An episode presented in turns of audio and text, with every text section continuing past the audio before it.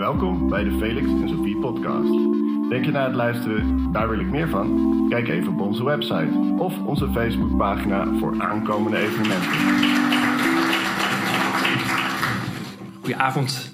Mijn, eh, naam is Pepijn van Erp. Ik, uh, ik uh, ben actief binnen de stichting Skepsis. En, uh, stichting Skepsis, ik weet niet of jullie er wel eens van gehoord heeft... maar dat is een stichting die is eind jaren 80 opgericht... Uh, in de tijd dat er in Europa wat meerdere sceptische verenigingen werden uh, op organisaties opgericht, want wij zijn een stichting.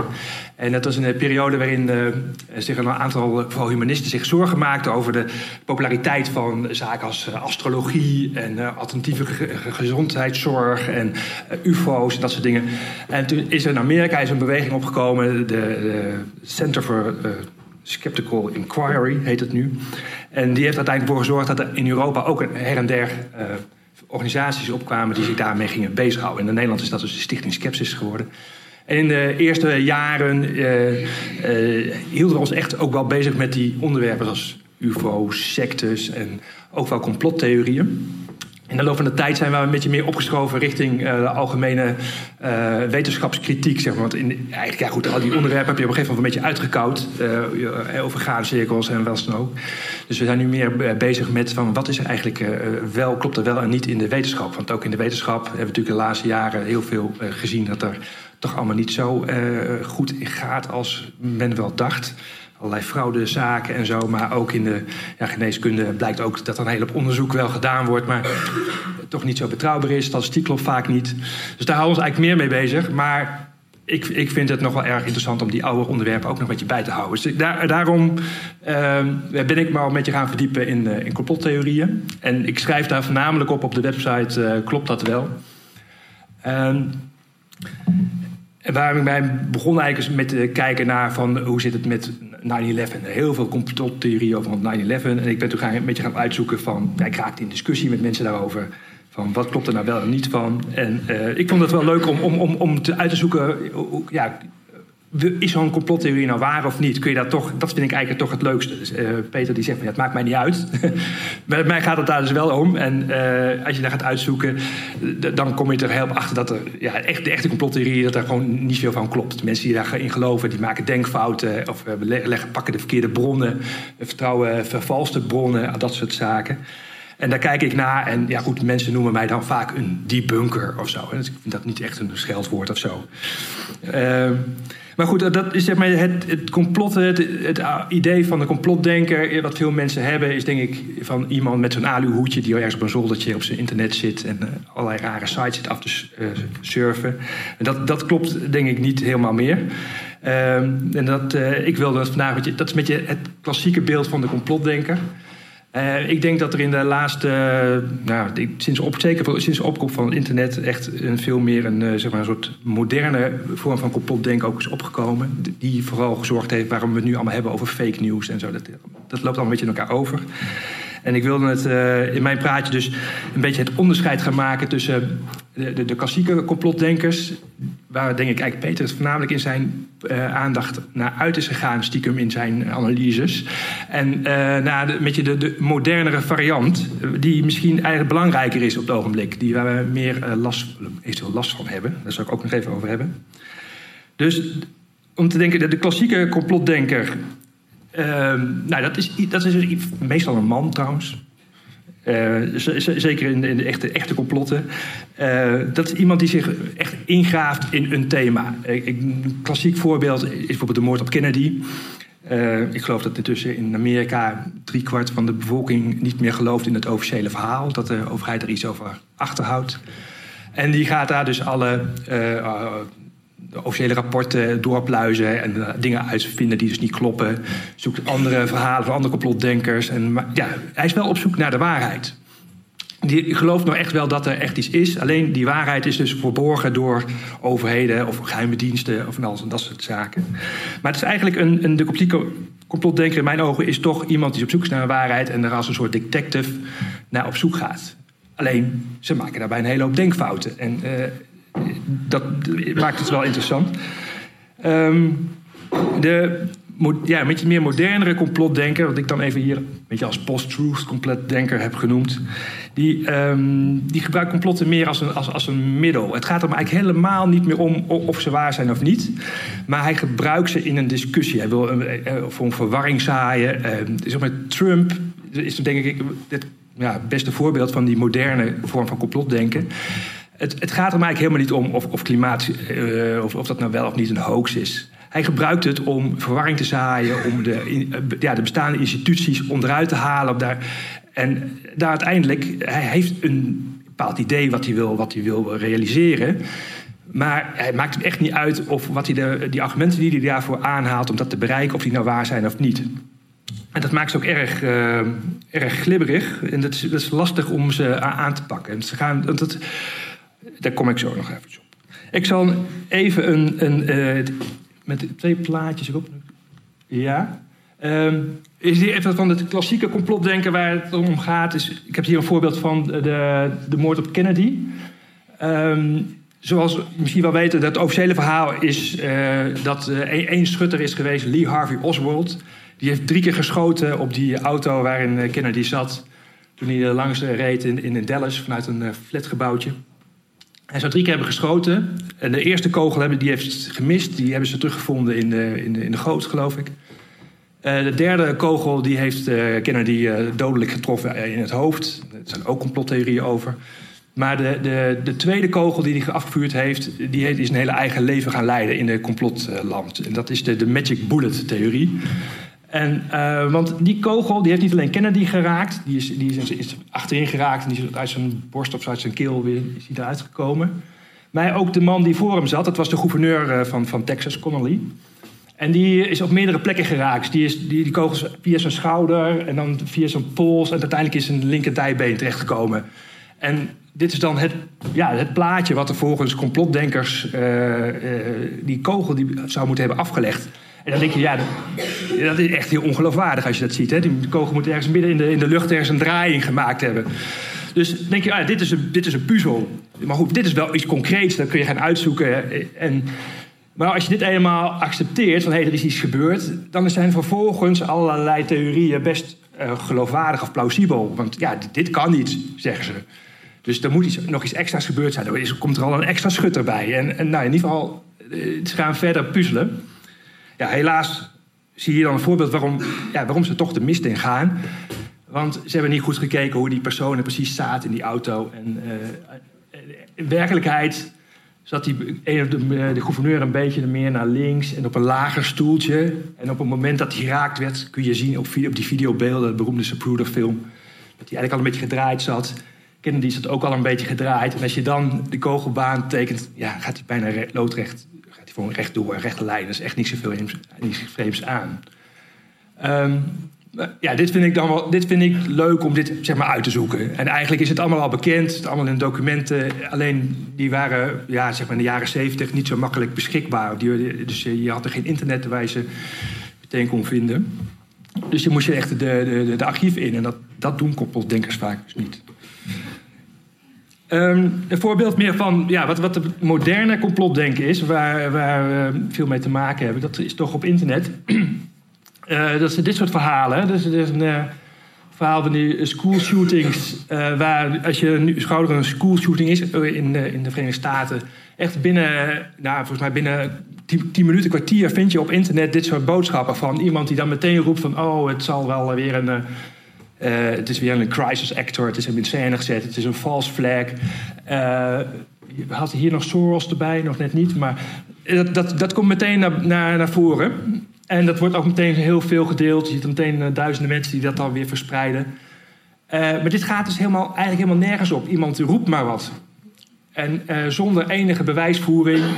maar het, het, gaat erom om, om het verhaal te vertellen. Dus, dus ik, ik, dit soort complotdenken is eigenlijk is heel, bijna inhoudsloos. Dus ik noem het ook meer complot roepen. Want dat gaat er alleen maar om, om het, brengen van die boodschap die tegen het officiële verhaal al vast ingaat. Er is nog niet eens een officiële verklaring soms geweest. En ze beginnen al te roepen: oh, dit is weer een false flag. Um, nou, ik gooi deze eventjes uh, weg. Um, ja, ook, ook binnen de normale complotten, zeg maar de klassieke complotten, uh, zijn er heel veel verschillende manieren om, om naar te kijken.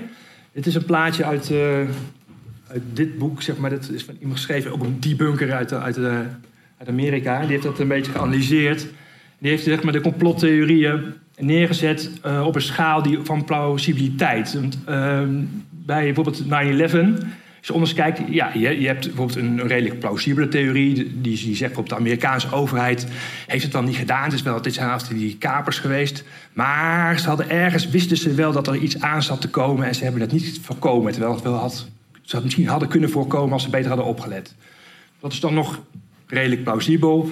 En helemaal de andere schaal, zeg maar, van minst plausibel zou je kunnen zeggen van ja, nee, die gebouwen, ja, die zijn die vliegtuigen al ingevlogen, maar de echte instorting is veroorzaakt door een of ander ruimtewapen. Daar hebben ze met een energiewapen geschoten, want ja, dat is de enige manier waarop je die uh, gebouwen kunt laten instorten. Of dat er al bij de bouw in de jaren 60 in de, in de fundamenten een of andere nucleaire apparaat is neergezet die uh, op dat moment is afgegaan en daardoor hebben ze het hele gebouw kunnen verzwakken. Uh, George van Houts vindt dat uh, plausibel. Uh, maar goed, je ziet een beetje de, flat earth. Dat zit bijna heel natuurlijk helemaal aan die minst plausibele kant.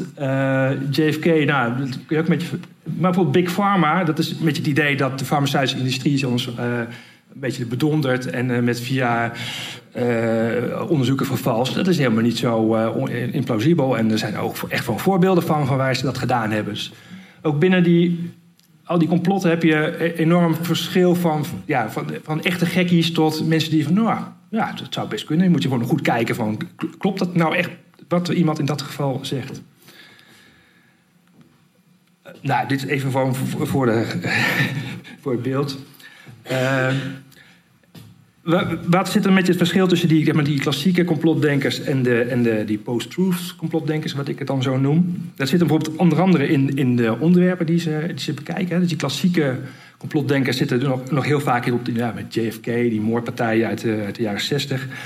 Uh, ja, die UFO's die zijn langskomen. Dat, die, die, die eh, serie, die Unacknowledged op, op Netflix, Peter het net over had, die heb ik ook bekeken. Die heb ik ook besproken op Klopt dat wel? Dan kun je daar lezen wat daar wel niet van klopt. Um, ja, het hele het moderne antifaxers, daar zit ook, neigt toch ook een beetje naar de klassieke complotdenken meestal. Er wordt vanuit gegaan van dat uh, bijvoorbeeld overheden bepaalde ziektes hebben gecreëerd in laboratoria. Of dat ze dus bewust chemicaliën stoppen in die vaccinaties om ons te beïnvloeden. Uh, beïnvloeden kan ook via chemtrails. Uh, hè, dus die worden boven ons uitgestrooid. Die complottheorie bestaat pas sinds 1996. En dan hebben we nog, eh, en dan hebben nog allerlei uh, complottheorieën waar geheime wereldregeringen, hè, dus deep states, en, uh, heel vaak kom je dan ook alweer recht bij allerlei antisemitische complottheorieën. Um, en wat je heel, ook ziet bij die klassieke complotdenkers, dat ze vrij gemakkelijk een hele andere, naburige, complottheorieën ook overnemen. Dat, is een soort, dat kleeft aan elkaar. Dat is, wordt ook wel crank magnetism genoemd. Dus meestal houden ze niet bij één complottheorie. Um, en bij die post-truth complotdenkers, dan zie je deze onderwerpen echt minder. Ja, 9-11 dus wel. Maar het, het, zit allemaal wat meer gericht op uh, allerlei geopolitieke onderwerpen. Dus in, in, in, Nederland speelt nu, zie je heel veel uh, gedoe over rondom MH17 bijvoorbeeld. Uh, er, worden allerlei, er wordt dan tegen ingegaan tegen het officiële verhaal. En dan wordt er allerlei Russische desinformatie makkelijk opgeslikt. Um, dus bij al die aanslagen die, die, die, ja, waarvan je denkt van nou, dat is ofwel islamitisch eh, terrorisme of vanuit de uh, extreemrechtse hoek. Er wordt allemaal vaak van gezegd dat het false flags zijn.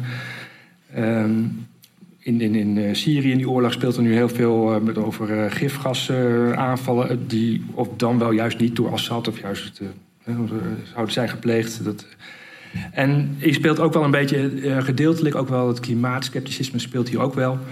Eh, je ziet heel vaak dat mensen die, die klimaat, uh, die daar niet zo in geloven, die dan het minst het grinkste grafiekje wat hun toevallig goed uitkomt op internet slingeren. Terwijl als je, ja, als je even naar zoekt, slaat het helemaal nergens op. En ik denk dat ze dat meestal ook wel weten.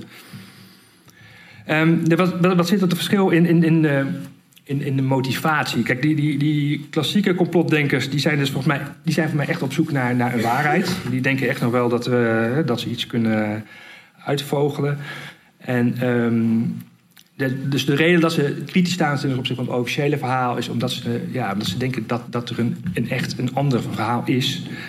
En uh, met de, ja, de, kan, de reden waarom ze ermee bezig zijn, kan wel vaak weer voortkomen uit ja, ja, een bepaalde wereldopvatting. Misschien dat holisme of zo. Hè, dat, uh, die moord op Kennedy, ja, dat kan niet zomaar zo gebeurd zijn. Want ja, dat was toch iemand die progressief was. Hij zal wel door die, al die rechtse denkers en zo in de weg gelopen hebben. Dus die zal wel uit de weg geruimd moeten zijn daarom. Dus dat, hun, bias of hun wereldopvatting speelt wel een rol. Um, en bij die, bij die moderne complotdenkers gaat het meer ja, gewoon om, om, om tegen de, de, mainstream in te gaan, tegen de regeringen. En wat ze echt zelf allemaal willen, dat is volgens mij ook niet zo heel duidelijk.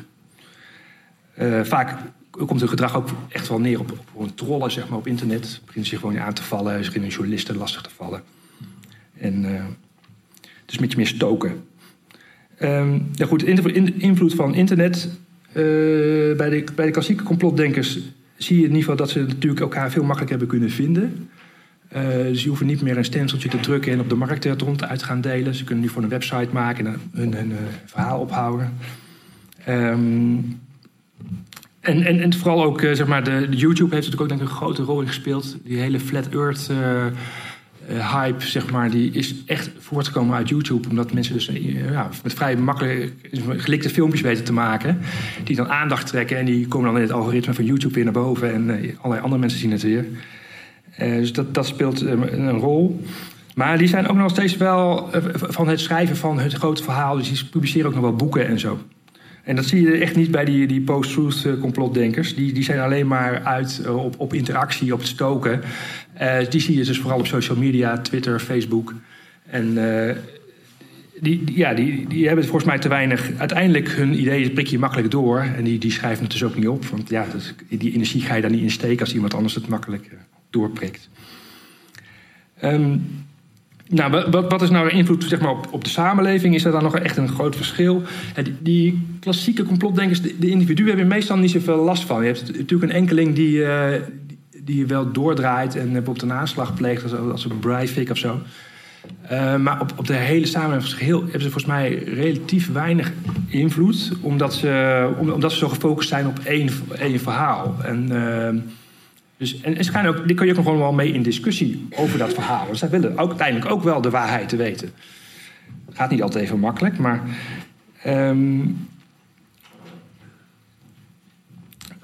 Maar goed, de, de, dus de, waarom zijn ze ook nog niet zo gevaarlijk? Dat is ook vanwege, volgens mij vanwege dat, dat crank magnetism. Dus als je met een uh, de, ja, complotdenker die bijvoorbeeld iets heeft over 9-11... als je daar mee gaat discussiëren... heel vaak merk je ook dat hij hele andere rare ideeën heeft. Dat hij ook in graancirkels of in chemtrails gelooft. En daarmee maak je je ook makkelijk onschadelijk. Want iemand die ook, ook, dat soort rare ideeën aanhoudt, die hele implausibele ideeën heeft, ja, die kun je ook makkelijk toch wel wegzetten als, als een gekkie. En dan hoef je hem ook helemaal niet meer serieus te nemen. Dus bij, die, bij, bij die moderne complotdenkers is dat veel lastiger. Want zo gauw je ze ergens op vast probeert te pinnen, ja, dan, dan, springen ze gewoon op, op een volgend onderwerp. Want het gaat er helemaal niet om, om, om gelijk te krijgen op het ene punt. Ze willen gewoon, uh, ze willen gewoon uh, veroorzaken. Dus uiteindelijk zijn die, dat, die vorm van complotdenken is, is volgens mij gevaarlijker. En dat is ook het de idee van een Amerikaanse uh, politicoloog die onlangs een boek heeft geschreven. Dat heet A Lot of People Are Saying. En dat, die zien daarin een groot gevaar voor, voor, de, voor de, ja, democratie. Ja, dat is wel vooral in Amerika geschreven. Ze hebben natuurlijk heel erg duidelijk Trump in het hoofd. Van dat hij dus met het constant aanvallen van de autoriteit van, van, van je rechters, maar van wetenschap, dat hij daarmee uiteindelijk toch wel een, de, de democratie ondermijnt. En zij vinden dat, ik vind het wel redelijk geloofwaardig dat, dat daar een groter gevaar in zit dan in die klassieke complotdenkers. Ja. Um, ik kijk, ik kom al een beetje aan het einde van mijn verhaal. Ja, ook nog even ja, van, van hoe makkelijk je nou eigenlijk uh, complotdenker wordt. Dat is ook nog zoiets. Uh, dus, er is heel veel, recent dus heel veel interesse in complotdenken. Zo bij, bij sociologen en psychologen naar complotdenken. Die weten wel gemiddeld wel allerlei persoonlijkheidskenmerken te vinden die, uh, waardoor mensen net iets meer geneigd zijn tot complotdenken dan anderen. Maar als je in de praktijk kijkt, zeg maar van hey, iemand die complot denkt, hoe is hij daar nou uiteindelijk toe gekomen? Dan blijkt het inderdaad uh, vaak te gaan door, door het lezen van één boek of uh, via het vinden van één YouTube-filmpje, waarna hij allemaal meer nieuwe dingen vindt. En dat, dat, dat kan vrij snel gaan. Dus in, in, dus die Amerikaanse debunker die heeft hier een boek geschreven... wat eigenlijk uh, bedoeld is om uh, mensen die dus bijvoorbeeld een kennis of een vriend hebben... die in de complotdenken is verzeild geraakt, om die te helpen. Van, met tips van hoe kun je dat nou gaan bespreken. Maar hij geeft dus heel concrete voorbeelden van mensen... die dus in, in, in, een bepaald complot zijn geloven... en die, waar hij mee gesproken heeft... En als je die verhalen leest, dan zie je dat die mensen inderdaad soms door het, het ja, door één YouTube-filmpje gegrepen waren. En vervolgens de volgende en de volgende en de volgende. En binnen no time waren ze dus flat earther of zo. Is heel merkwaardig hoe dat kan gaan, maar het blijkt wel te kloppen. Zo te gaan. Dus, dus ja, hoe ga je om met, met, met complotdenkers? Dus als je iemand in je omgeving hebt die een beetje meer op klassieke complotdenkers uh, lijkt, dan, dan, kun je daar best wel mee in discussie gaan. Uh, zeker als je wel op een andere manier een band met zo iemand hebt, dan kun je het gesprek op gang houden.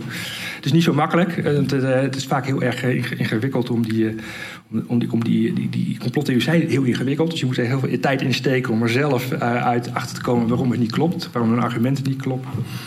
Nou, met die, met die uh, moderne complotdenkers is, valt bijna geen gesprek te voeren. Het is, uh, het is heel lastig, die heel glibberig. Um, ik kom eigenlijk met je tot een, tot een conclusie. Uh, ik heb het een beetje tegen elkaar gezet. Maar het is, ik wil wel benadrukken dat het, is niet, het staat niet echt tegenover elkaar. Het is wel een beetje een, soort spectrum of zo. En de, het post-truth denken, die gebruiken ze complotten in mijn idee meer als, als een middel. Dus zij, zij, zij plukken ideeën van de, van, de, van de klassieke complotdenkers en die gooien ze gewoon erin in een discussie. En ze zijn vaak zelf niet zo heel origineel.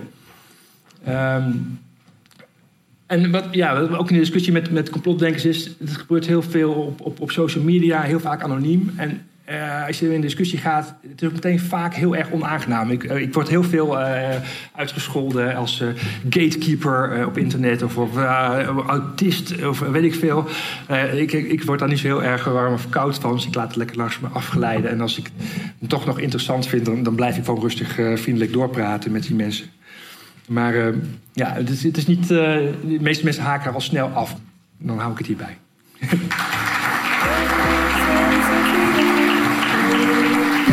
Felix and Sophie.